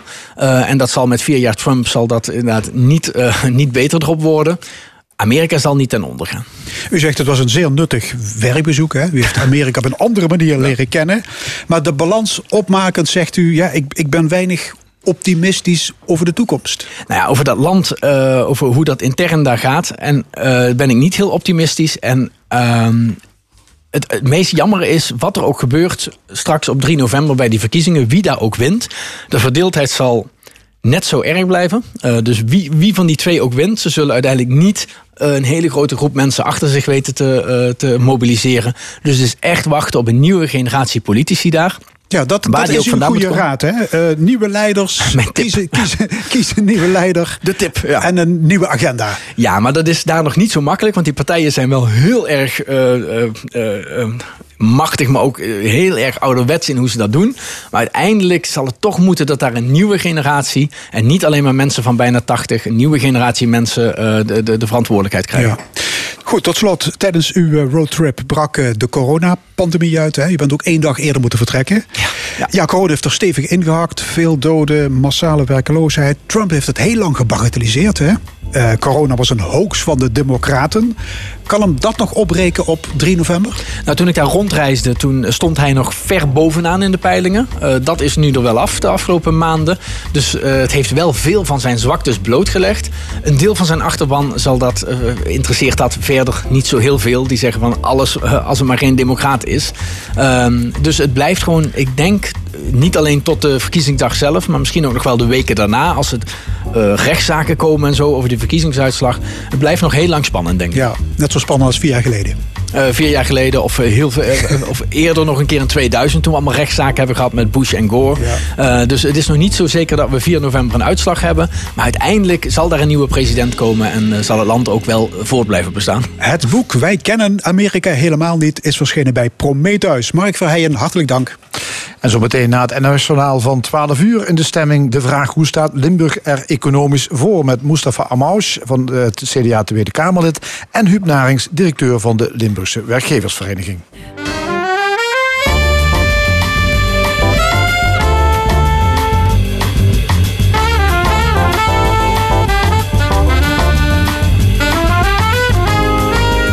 De stemming met Frank Ruber en Fons Geraerts. Opnieuw welkom bij de stemming. Wat nog allemaal in de tweede en laatste uur. Straks discussieert het panel met Terza Hoeben, Cor Bosman en Luc Hustings over de comeback van het virus en andere actuele zaken. De column van Jos van Wersch, maar eerst de Limburgse economie. Hoe heeft het Limburgse bedrijfsleven het eerste halfjaar van de coronapandemie doorstaan? Welke bedrijfstakken hebben de grootste schade geleden? En zijn er ook sectoren die geprofiteerd hebben van de crisis? Wat kunnen we verwachten van het derde steunpakket? En heeft de miljoenennota nog eens in petto voor Limburg? Allemaal vragen voor onze volgende twee gasten. En dat zijn Mustafa Amouche, Tweede Kamerlid voor het CDA... en Huub Narings, en hij is directeur van de LWV, de Limburgse Werkgeversvereniging. Hartelijk welkom. Ja, het kabinet eh, draait eh, de geldkraan flink open, want we moeten ons uit de coronacrisis investeren. Uh, Mustafa Amhous, verbaasd over deze ommezwaai? Uh, nee, kijk, eigenlijk voor de corona was er al sprake van een, uh, nationaal groeifonds, een Wopke Wiebesfonds. daar, daar zou veel meer geld in komen. Volgens mij was er sprake zelfs van 50 tot 100 miljard over wel een lange periode. Door de corona is de focus gegaan om eerst steun te bieden aan de bedrijven. De steunpakket 1, steunpakket 2 en nu zelfs ook steunpakket 3. Maar ik ben wel heel blij dat het kabinet ook inziet dat we nu ook moeten gaan werken in herstel en groei. En dat kan met een nieuwe groeifonds. Ja, ja, lastenverlichting, groeifonds, derde steunpakket. Het kan niet op. En intussen loopt de staatsschuld op tot boven de 500 miljard euro. Dus loopt het kabinet niet te hard van stapel? Mm, nee, ik denk dat er overwogen keuzes worden gemaakt. Ik denk de steunpakketten zijn echt nodig. Dat zie je ook. Hè. Want anders was het echt een schokeffect. Want de corona is iets wat je niet zag aankomen. Dat is ons overkomen. Dus ik denk heel goed dat de overheid heel snel geschakeld heeft. Dat hoor ik ook van heel veel bedrijven. Eindelijk dat het kabinet schakelt ja, nee, maar ik bedoel, bij de vorige crisis in 2008 was het parool bezuinigen, bezuinigen, bezuinigen. Ja, maar dan moeten we nu... Kijk, we hebben ook in de afgelopen jaren, hadden we gelukkig door de economie en door een overschot op de begroting hebben we flink gespaard. Als je nu gaat kijken naar de staatsschuld, komen we net inderdaad volgend jaar iets boven de 60 procent. Maar dat is nog te overzien. Dat is volgens mij, als ik me niet zo vergis, 62, misschien dat haal je nog net niet. Ten opzichte van de hele grote percentages die andere landen in om, om ons heen hebben. Oké, okay, maar, maar het lijkt er ook op dat er een beetje een andere wind waait. Een andere mindset, zou ik maar zeggen. Dat, dat is terecht. Ik denk eh, waar dat ook geleerd is van de vorige crisis... waar toen in één keer heel flink op de rem ging... maar ook de noodzaak er was dat onze staatsschuld hebben hoger was... inderdaad om bezuinigen. Waar nu wordt gezegd, wij moeten ook investeren... in de toekomstige economie voor de volgende generatie. Want als je dat niet doet, ja, dan gaan onze banen dadelijk verloren. Ja, Huub Narings, uh, voorzitter van de Limburgse Werkgeversvereniging... nee, directeur moet ik zeggen. hè. Eh, ja, een begrotingstekort van 3%, dat was altijd de totempaal. Mhm. Eh, nu zijn bezuinigingen uit den boze, we laten het geld rollen. Van waar die nieuwe koers? Ja, mij verbaast het helemaal niet. We hebben geleerd van, van 2008, 2009. Mustafa ook zegt, eh, hard op de rem getrokken, eh, op de rem getrapt. Er moest bezuinigd worden. Schulden mochten niet oplopen. We zien ook dat die crisis... De burger moest de rekening betalen. Ook, maar ook dat de, de crisis heeft ook al vier jaar geduurd. Maar de situatie is ook, ook anders. Er lag ook een economische oorzaak achter, zoals we later ook de financiële crisis of de financiële crisis hadden en later de, de Griekse ellende hadden, waardoor die crisis ook heel lang duurde. Nu is er eigenlijk geen enkele economische oorzaak voor de dip die we hebben. Het is gewoon het virus. Het is ons overkomen. En u zegt, u heeft over steun aan ondernemers. Het kan niet op. Het zal je maar gebeuren dat je ondernemer bent. En de overheid zegt, stop, sluit de tent. Deur op slot, je mag niet meer. Het zou raar zijn als je die ondernemer niet zou helpen. Als je als overheid, hè, dit is geen economisch probleem van die ondernemer. Nee, als overheid zeg je, je moet de tent sluiten. Maar dat we die totempaal van 3% loslaten, dat vindt u, Ja. dat vindt u prima? Ja, ik, wij pleiten al langere tijd voor eh, in, investeren uit de crisis. En ook het, wat, wat Mustafa ook zegt, het, groei, of het, het investeringsfonds was al langere tijd sprake van. Dat we moeten investeren in de richting die wij uit willen met Nederland. Ja, dat heet nu Nationaal Groeifonds. Hè, een, een potje van 20 miljard voor investeringen die de economische groei moeten aanwakkeren. Goed plan, meneer Amhaus. Ja, ik denk dat het Wopke Wiebesfonds een goed plan is. Dat is 20 miljard wel voor vijf jaar. En dat is gestald op drie pijlers. Eén is de kennisontwikkeling naar de toekomst toe. We moeten ook een wendbare arbeidsmarkt hebben naar, naar de toekomst toe. Dat betekent dus dat we meer moeten gaan investeren in het reguliere onderwijs. Maar ook mensen die al op de arbeidsmarkt zijn. Dat ze van werk naar werk kunnen omscholen. De tweede pijler waarop gebouwd is, is R&D. De Research and Development, onderzoek. We moeten echt ons ook innoveren. Nederland heeft nooit de 2,5% doelstelling kunnen halen. We zijn altijd op 2,2 gebleven. Terwijl bijvoorbeeld Duitsland altijd een doelstelling heeft van 3% van het BBP investeren in R&D. En de derde, die, die kennen we ook in Limburg, waar we ook altijd als regio voor pleiten, is investeren in de infrastructuur. En dat Ja. gaat over wegen, spoor, maar ook heel belangrijk over eh, de grid voor de elektriciteitsvoorzieningen. We hebben Gemmelot. Hoe gaan we dadelijk Gemmelot voorzien van de juiste infrastructuur wat betreft eh, energievoorziening? Ja, ja, ons provinciebestuur heeft al drie eh, projecten ingediend bij dat eh, groeifonds. Onder andere voor de Einstein-telescoop. Er zitten nogal wat Zuid-Nederlanders in de commissie die die plannen moeten gaan beoordelen. Is dat een voordeel, meneer Ja, leuk. U, u doelt op Vexibus, maar onder andere. Ja. Ja. is er een voordeel? Ik, het, zou En geen voordeel, het zou geen voordeel of nadeel moeten zijn. Je moet de plan op inhoud. Eh, moet je die toetsen. ja. En eh, het voelt wel goed dat het niet alleen maar bezet is door randstedelingen. En het gekke is dat nu de Randstad klaagt over de, de regio inbrengen. Er is, er is een artikel in NRC verschenen. The Revenge of de regio. Ja, vind ik, ik vind het wel een mooie. ja, Brainport, Ja, maar ik denk dat de regio neemt het lang- over Ja. van de Randstad. Dat en ik was een denk de terecht, de regio is, is lang het stiefkindje geweest. En we moeten ervoor zorgen met z'n allen dat dat niet nog een keer opnieuw gebeurt. En het zal best nog een, een, een, een zware dobbel worden om uit het Wopke Biebesfonds ook een, een rechtmatig deel naar de, naar de provincie, naar de regio te halen. Amhaus, CDA. Ja, ja ik, mijn, mijn pleidooi ook van het CDA is altijd geweest... als we Nederland willen optellen, moeten we alle regio's optillen. Hè? Want we, hebben, het- we praten altijd over het BBP, hè, bruto binnenlands product... maar we hebben ook het eh, bruto regionaal product. En als je ziet, ik heb de kaartje gezien... als je ziet hoeveel geld er eigenlijk naar verschillende regio's gaat... en wat dan het BRP is in de regio... Ja, dan vind ik dat geld wat, wat gelijkmatiger verdeeld moet worden. Dus als we dat doen... Investeren in alle regio's, want we hebben ook Zuidoost-Nederland. Want daar gaan we dadelijk misschien nog over praten. Over de maakindustrie. Die zit voornamelijk in Zuidoost-Nederland. Rondom de Brainport, rondom Gemmelot. Maar ook Noord-Limburg. eh, eh, Samen met Gelderland en, en Brabant. Daar worden heel veel innovatieve, mooie dingen gemaakt. In de food-industrie, in de high-tech-industrie, in de automotive. En daar, daar moeten we ook op investeren naar de toekomst toe. Ja, er is veel eh, beleid uit Den Haag, maar natuurlijk ook Brussels beleid raakt ons. De Euro- Europese Commissie die heeft ambitieuze plannen om de uitstoot van CO2 terug te dringen. Over tien jaar moet er 55% reductie bereikt zijn. Dat was vij- 40%. Eh, het moet financieel onaantrekkelijk worden om CO2 uit te stoten. Ehm, wat gaat dat betekenen voor het Limburgse bedrijfsleven? Ik zit bijvoorbeeld te denken aan Gemmelot. Hè. Daar komt natuurlijk heel veel CO2 uit de schoorstenen. Eh, kunnen bedrijven op Gemmelot zich op tijd gaan aanpassen aan de nieuwe realiteit? Huub Narings? Bedrijven op Gemmelot zijn al heel lang bezig om zich aan te passen in nieuwe tijd. Ik dacht dat Gemmelot laatst bij een vooraanstaand Zweeds bureau de prijs heeft gekregen van het meest duurzame chemie-site ter wereld zelfs. Maar zijn er echt kunnen nog lang voldoen aan deze? Want deze plannen zijn weer opgeschroefd. Hè? De ambitie ligt Ja, nog van, hoger van in 40 Europa. naar 55 procent. Het is goed om ambitie te tonen, ook Europees. Maar ik heb veel meer zorgen nu over het binnenlands beleid. Maar nu ook in de, in de troonrede, wordt even verteld, ja, de CO2-heffing die gaat er komen. En ik, ik ben verbaasd hoe stil het dan in de politiek blijft. Ook, ook zelfs van het VNO zelf.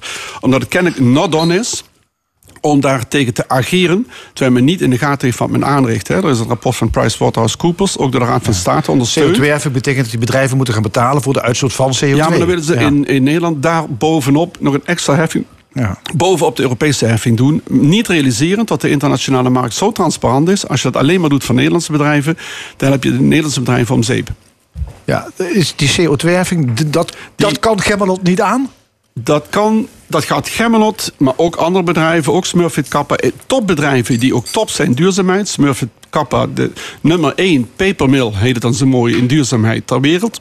Die gaat dan de prijs Dat is betalen. In is dat, papier, hè? ja. maar het gaat ook voor Gemmelot, eh, verschillende bedrijven op Gemmelot die het heel goed doen in hun zogenaamde, dat heet dan peer group, dus vergelijkbare groepen.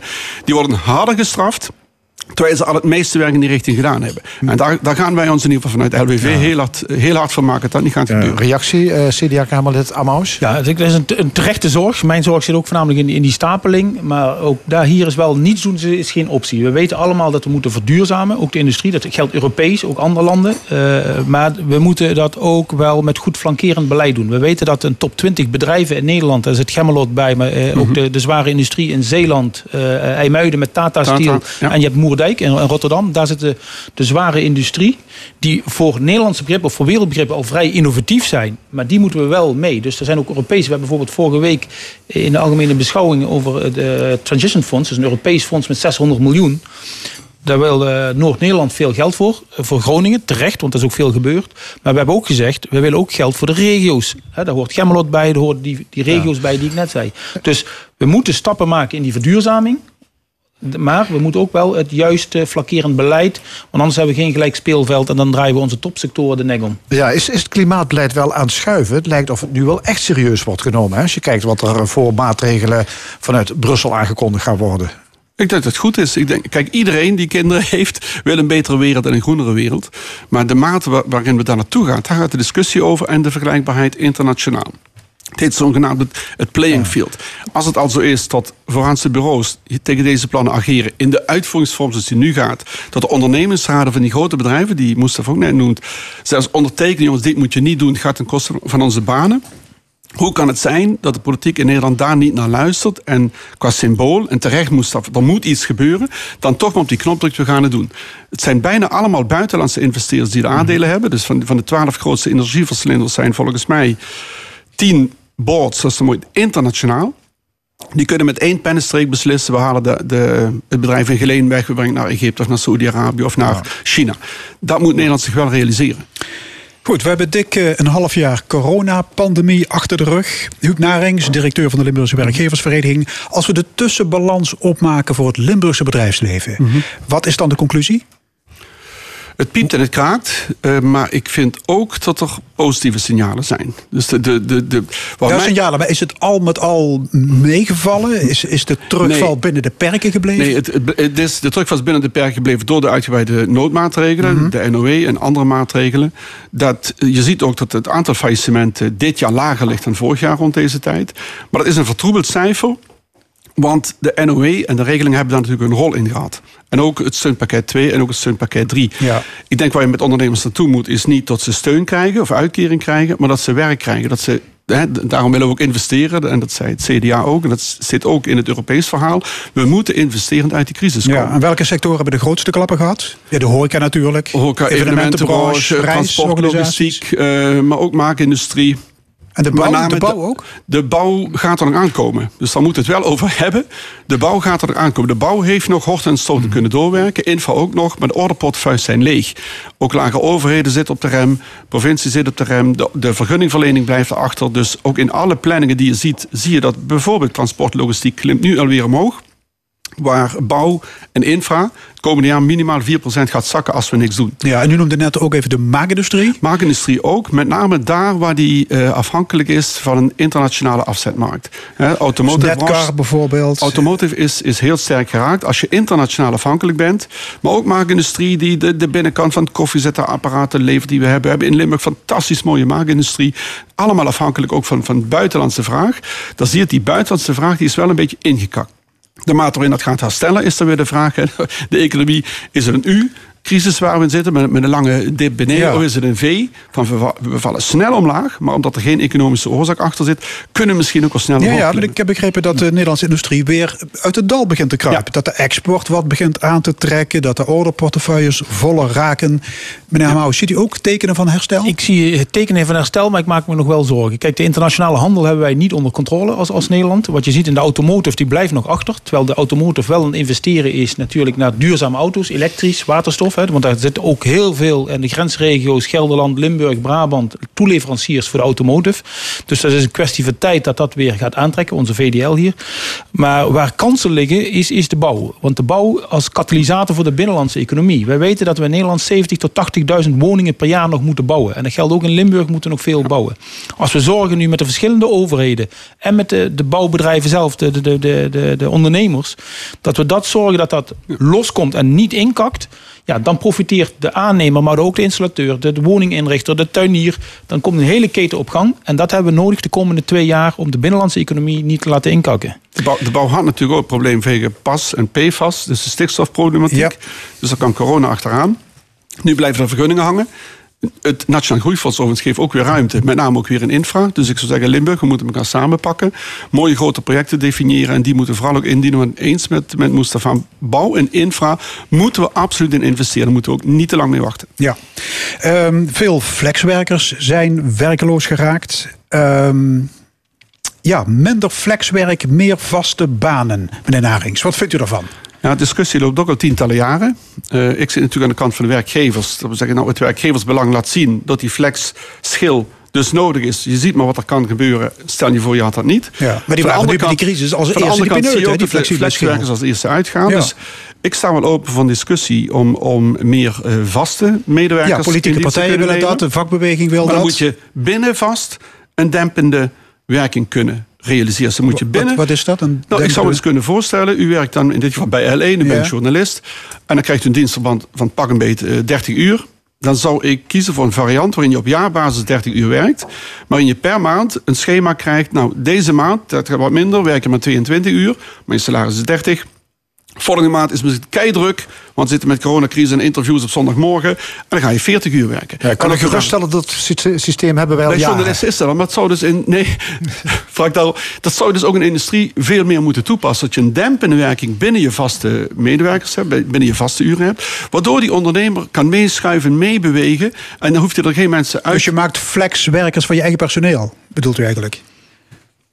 Ik zou het een. Ja, je hebt een flexibiliteit binnen je vaste bestand. Ja. Een dempende werking. Kijk, wat, wat belangrijk is, en dat is ook het CDA, ik vind de Borstlab heeft daar een rapport over gebracht. Ik denk dat het wel in Nederland echt anders moet. Als we naar een eerlijke economie willen. Dat dan rapport gaat over de hervorming van de totale arbeidsmarkt. En dan, moeten we, Borslap. ja, en dan moeten we meer zekerheden bieden voor ook de flexwerkers. En, en dat is wel een totaalpakket.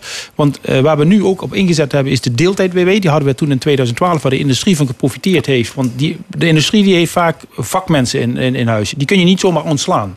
Maar je hebt wel minder te doen. Dus dan stop je ze deelt, gedeeltelijk in de WW en daarna weer terug. Als je al die aspecten hebt, inderdaad, ga af van die ABC-contracten, bijvoorbeeld in de logistiek. Zorg dat er een deeltijd-WW komt en, en, en een goede opvang. Dan kun je inderdaad wat meer zekerheden bieden voor die mensen. En dan inderdaad minder flex. Want flex levert onzekerheden en veel stress op voor, voor, voor huishoudens. Ja, ik wil nog even naar het eh, derde steunpakket. Hè. Het kabinet eh, gaat eh, tot eh, juli volgend jaar eh, bedrijven blijven steunen. Eh, dat is aangekondigd om de economie overeind te houden. Is dat voor Limburg voldoende, wat er nu komt? En dat derde steunpakket, kunnen Ja. Limburgse bedrijven daarmee vooruit? Ja, dat denk ik wel. Ik, maar wat ik net zei, eh, Frank, hè, belangrijker is het dat er werk komt van ondernemers. En niet, een ondernemer wil niet afhankelijk zijn van steun. Die wil zijn handje niet ophouden, die wil aan de gang, zoals het zo, mooi heet. Dus ik, we zijn, daar komen we weer op die investeringen terug. Ook het, het groeifonds, die kansen moeten benut worden. De baangerelateerde investeringskorting komt eraan, de BIC. Ja. Dat is er ook in die moet helpen om vooral weer banen te creëren, vooral weer werk te hebben.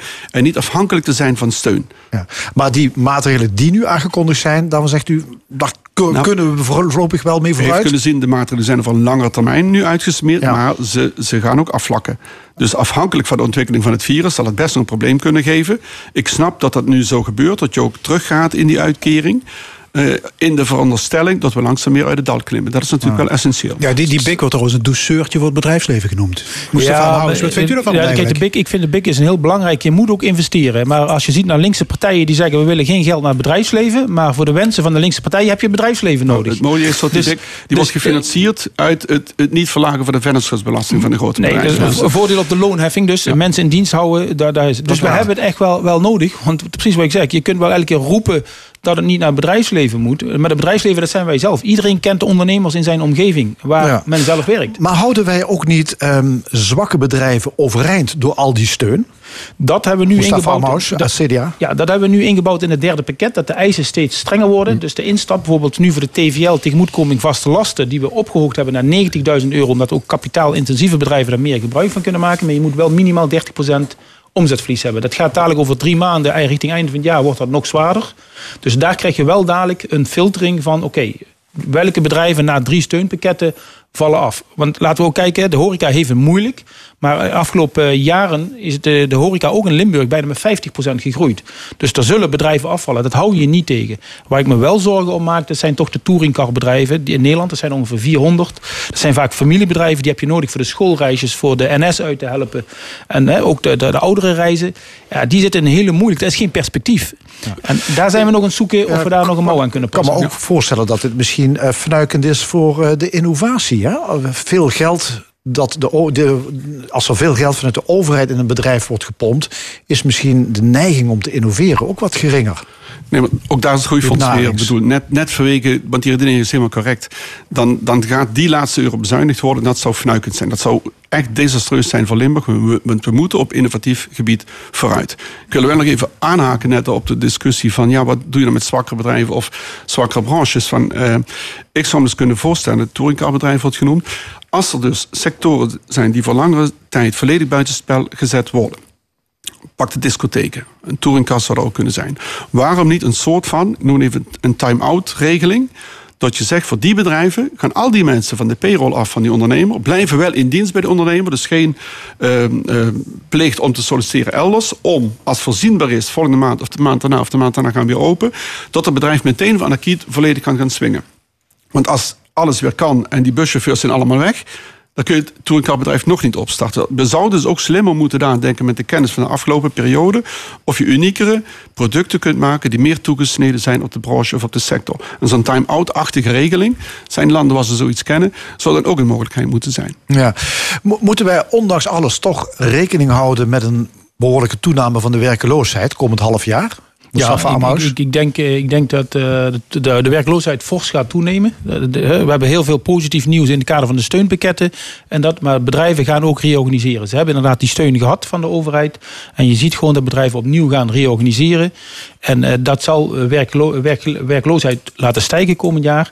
En de kracht is ook wat nu in die begroting zit, landelijk, die we vorige week. Er moet veel intensiever van werk naar werk. Hoe begeleiden we mensen in een bepaalde dienst? In de, in, in de detailhandel, maar ook bij banken. Er komen mensen op straat staan. Ja, je kunt niet wachten tot dat gaat gebeuren. Zorg dat als die mensen al in dienst zijn, dat ze omgeschoold worden naar een, naar een andere baan. En dat, die wendbaarheid, dat is wel een van de belangrijke punten. Ook Boslab ge- geeft dat aan, wat we in de toekomst nodig hebben als Nederland. Ja, hoe kijken de Limburgse werkgevers daar tegenaan? Want dat betekent opleiden van mensen. Helemaal eens met, met wat Mustafa ook net, net zegt. Eh, opleiden, en, maar ook van werk naar werk. Ook van huidig werk naar nieuw werk. Voordat mensen in de werkloosheid komen, dat wordt key de komende eh, jaren. Maar ook mensen fit in de job houden. Dat heet ook vitaal bedrijf. Eh, mensen door laten leren, door laten ontwikkelen. Het is niet van je hebt ooit een keer je rijbewijs gehaald... en de rest van mijn leven kan ik auto rijden. Die tijd is zeker 100% absoluut voorbij. Je moet blijven ontwikkelen en blijven op de nieuwe eh, wereld inspelen. En ik weet dat dat niet makkelijk is. Hè. Ik heb thuis eh, mijn echtgenote, die zit, werkt in een ziekenhuis en 20 jaar eh, gewoon haar baan gedaan. Maar na 20 jaar moesten ze zich specialiseren. En dan zie je dat mensen dan alweer moeten leren leren eerst voordat ze iets anders gaan doen. En daar moeten we wel begrip voor hebben. Mensen willen, mensen willen zich ook ervoor inzetten. We moeten wel dat traject heel goed eh, begeleiden. Dus mensen die jaren niet geleerd hebben in het bedrijf, leren leren en daarna gewoon ook bijhouden dat ze continu in dat leerproces zitten. Zonder dat ze daar ook weer, ik noem het, koudwatervrees hebben. Want we hebben iedereen nodig. We ondersteunen ook landelijke projecten. Leren lang, eh, of een leven lang ontwikkelen is echt de kreet voor de komende jaren. Hartelijk dank, LWV-directeur Huub Narings en CDA Tweede Kamerlid Mustafa Amouche. U luistert naar eh, de stemming van L1 Radio. We zijn er iedere zondag van 11 tot 1. Zometeen de column van Jos van Wersch na dit nummer van de Kings, Mr. Pleasant.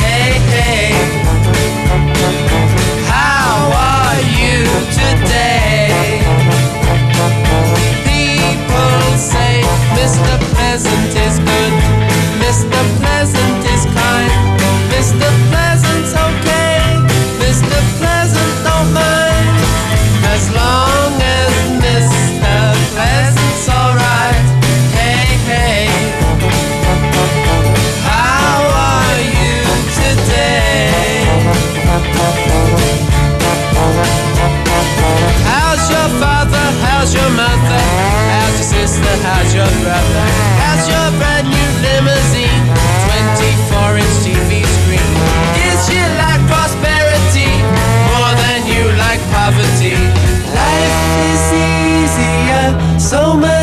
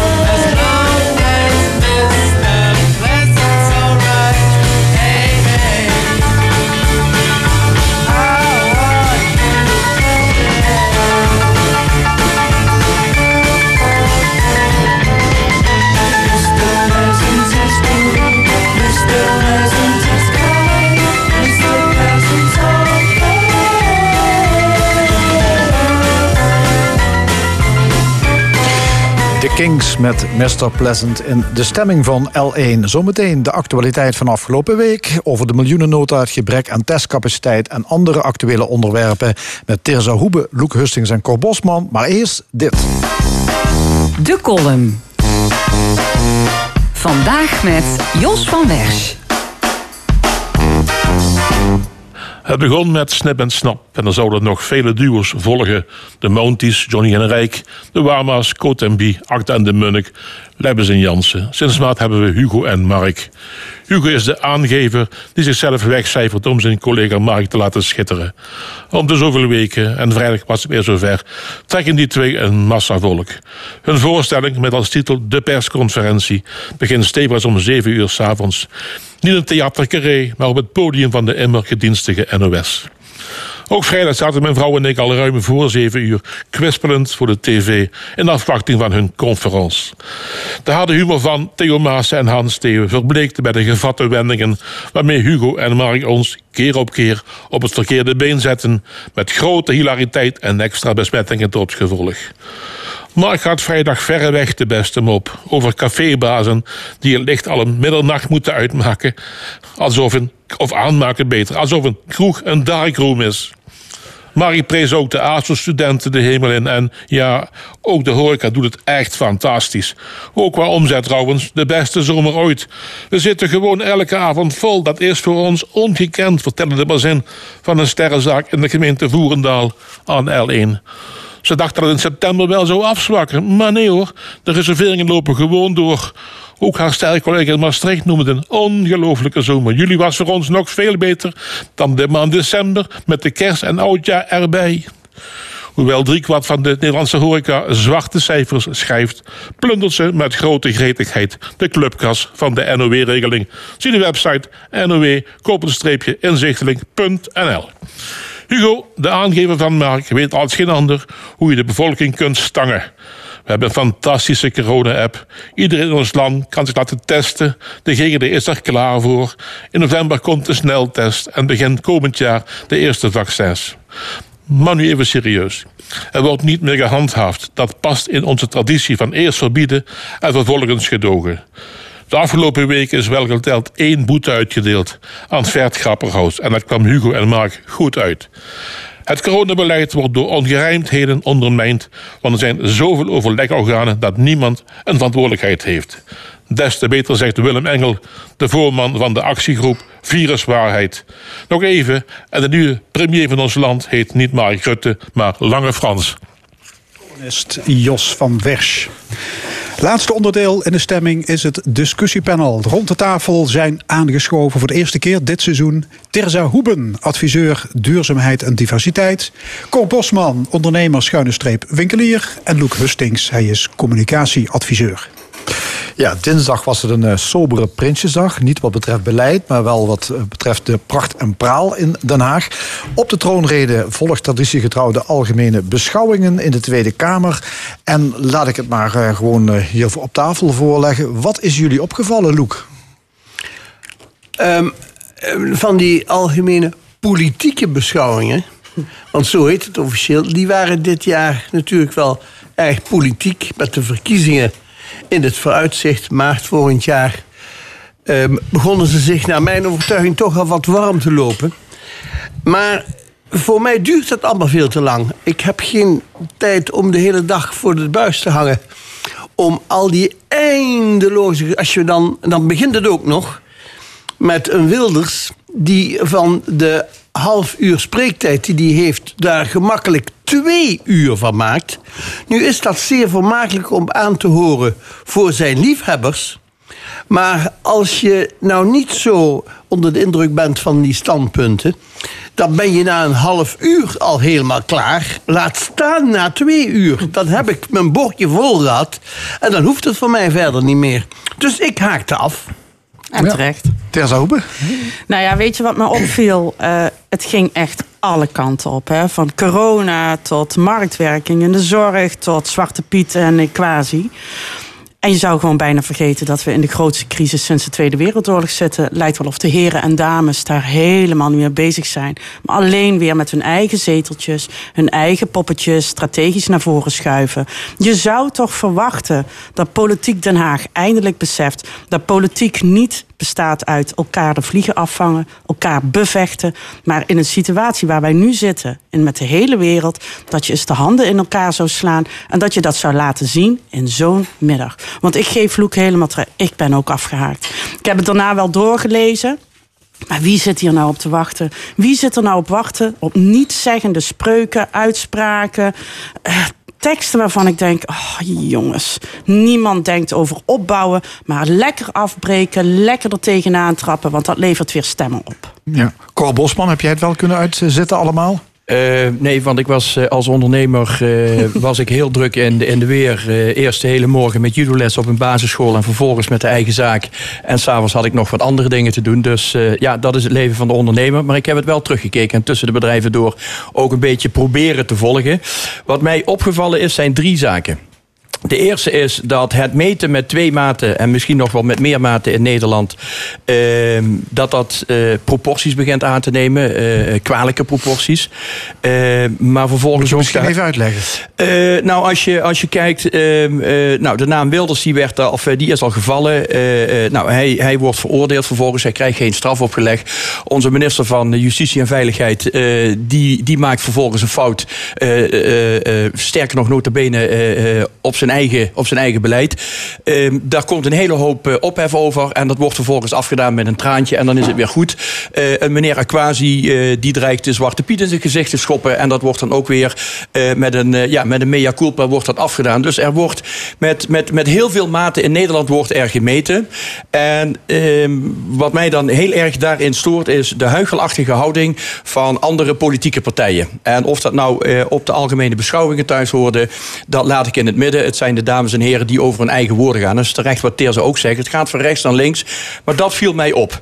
Eh, ten tweede, eh, dat vind ik wel een positief punt. Dat eh, Klaas Dijkhoff dat die durft te rappen weer over kernenergie. Want ik ben daar een groot voorstander van. We hebben de mond vol over we moeten een energietransitie tot, eh, eh, tot stand brengen eh, voor het milieu.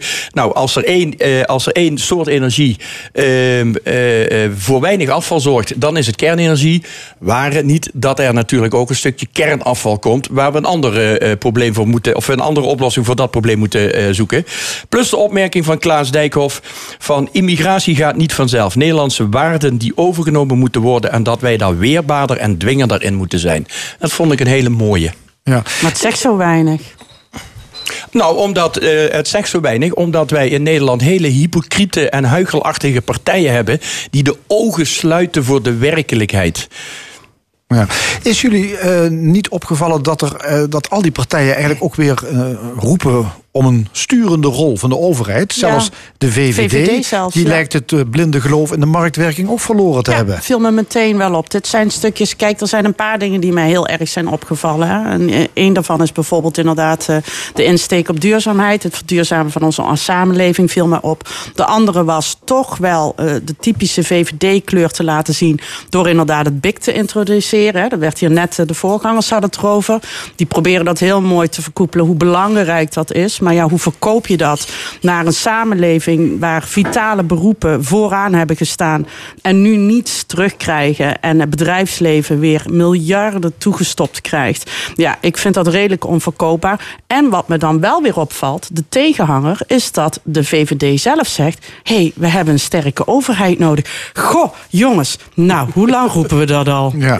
Eh, ook de VVD gelooft niet meer in het eh, neoliberalisme. Nee, maar dat laat een pandemie zoals dit toch ook zien? Dat werkt Ja. toch niet de zwakke overheid? Het is het, is, ehm, het quoderen demonstrandum, hetgeen te bewijzen was. Eh, de praktijk heeft ons duidelijk gemaakt dat ehm, die decentralisatie dus niet de oplossing is. Daar hoef je maar voor te kijken, je ziet het. Ja. Nou, Dus het is nog even wachten en dan omarmt eh, de VVD het marxisme-leninisme. nou, dat, misschien was dat zo'n gekke gedachte nog niet. Je moet natuurlijk uit al die ideologieën het beste eruit pikken wat erin zit. En dat, dat kunnen dus ook dit soort centrale gedachten zijn. Die blijken natuurlijk in een tijd als deze heel nuttig. Ja, Ja, maar jullie hebben je allemaal in slaap laten sussen. Ach, Germ. Ja, door de, door de woorden van Dijkhoff en, en eh, eh, in KSU het, VVD. Want we hebben op dit moment hebben we een hele sterke sturende overheid. En die, en die sterke sturende overheid die is geminimaliseerd tot ons kabinet. Wat blind vaart op de adviezen van het OMT. Vervolgens ons hele democratische stelsel, de Tweede Kamer, buitenspel zet. Door eerst maatregelen te, eh, te entameren. En vervolgens daar pas over te gaan praten. laat staan goedkeuring vragen. Dus we hebben een hele sterke sturende Nou, overheid. daar ben ik dus helemaal niet met je eens. Want als ik en, kijk en wat dat die- is in het verlengde van de VVD. Want de, Ja. groot- de grote roerganger is Mark Rutte. Maar als ik zie wat er dus allemaal ehm, is outgesourced, zo gezegd. Hè? Dus nationale taken die bijvoorbeeld bij de gemeente zijn komen te liggen. Waar de bijbehorende betalingen niet achteraan kwam. Betekent dus dat gemeentes in enorme problemen komen. Niet opgewassen zijn om die taken goed uit te voeren. En eh, dat brengt dus geweldige problemen met zich mee. Dat Maar had is dat, nooit is dat, mogen gebeuren. Nee, maar is dat neo- neoliberalisme? Dat je taken overhevelt naar gemeenten? Dat, dat is voor een zekere zin die decentrale overheid. Maar ik geloof daar dus niet aan. In een zo klein land als Nederland, denk ik. Als je nou zegt, je hebt een enorm groot land en je hebt heel veel staat, dan wordt het erg ingewikkeld. Waar praten we over? We praten over een van de kleinste landen ter wereld. Als je daar al moet gaan decentraliseren. Ja, de, de jeugdzorg dichter bij de burger brengen, dat was het motto toen. Dat is een mooie gedachte, maar om deze te geven aan een partner die daar nog nooit mee heeft meegewerkt Ja, en dat is niet een snapt wat op en afkomt. Maar en niet dat- de centjes erbij liggen. En precies niet de Nee, centen. Maar het ging vooral het gemis van het expertise en het terugbrengen naar de burger. Ja, als je ze niet uitlegt wat zo'n pakket is en hoe ze dat terug zouden moeten brengen. Ik geef Vloek helemaal gelijk dat op het moment dat een overheid in een postzegelland zoals Nederland gaat decentraliseren, taken overhevelt naar een overheid waar ze de maak, vaak de mankracht niet hebben. Een mooi voorbeeld hij- is bijvoorbeeld duurzaamheid. Het staat hoog op de agenda bij iedereen. Maar de meeste gemeentes hebben er amper, amper, amper formatie voor. Dus hoe moeten ze dat oppakken? Hoe moeten ze hun taak ro- uitrollen? En die taak is enorm. Het is niet even iets wat ze erbij moeten doen. Niemand weet hoe dit wiel gaat rollen. Niemand heeft het wiel al uitgevonden. En dan leggen wij dat gewoon per gemeente op. En dan denk ik, mijn god, dus elke gemeente mag het wiel gaan uitvinden. dood dus, en dus, doodzonde. dus terug naar een overheid die aanstuurt. En dan beginnen we gewoon met kernenergie. Dat hebben we allemaal die flauwe De- onzin. hebben we niet meer nodig. Nou, ik vrees dat we daar op een gegeven moment niet onderuit komen. Cor. Juist. De teneur in de miljoenennota is ook duidelijk. hè. De overheid gaat niet bezuinigen, zoals Mhm. eerder wel gebeurde tijdens de crisis, maar juist investeren. Actiever dan ooit. Eh, alsof de staatsschuld er opeens niet meer toe doet. Zijn jullie verbaasd? Ja, zo blijkt het wel, ja. Want bij de vorige crisis en de, de vorige sprekers eh, vanmorgen... Die, die hebben dat ook al aangegeven. Eh, toen was het de focus op Europese richtlijnen... op, eh, op de 60% staatsschuld, et cetera. Nou, die zit nu op 61%. Dus daar vind ik nog geen probleem. Vergelijken met Griekenland die op 177 zit. Wat dat betreft doen wij het nog, eh, nog heel netjes. Waar ik mij heel erg veel zorgen om maak... als ik de staatjes bekijk wat ze nu hebben opgesteld... aan de ene kant de inkomsten... en aan de andere kant de uitgaven dan dat betekent dat het grootste deel van de staatinkomsten op dit moment door werkend Nederland moet worden opgebracht. En als ik dan ga kijken richting de toekomst, dat we een krimp van 5% economische krimp hebben, dat de verwachting is dat in 2021 de werkeloosheid naar 6% gaat oplopen, maak ik mij heel veel zorgen om over deze groep die juist het, het, het, het, het allergrootste deel van de staatsinkomsten moet opbrengen. Daar ga ik mij heel veel grote zorgen over maken. Iemand anders hier aan tafel? Nou ja, ik vind het mooi dat eh, Cor dat zegt, want dat is iets waar ik al heel lang me zorgen over maak. Dat maar een, de werkende groep eigenlijk onze samenleving laat draaien. En eh, dat de, de grote bedrijven en de zakkenvullers gewoon constant eh, het voordeel hebben dat zij niet mee hoeven te betalen en gewoon rijker en rijker kunnen worden. Ik had eigenlijk de ijdele hoop en ik had daar voor de zomervakantie met, met, met hier dit team ook nog over.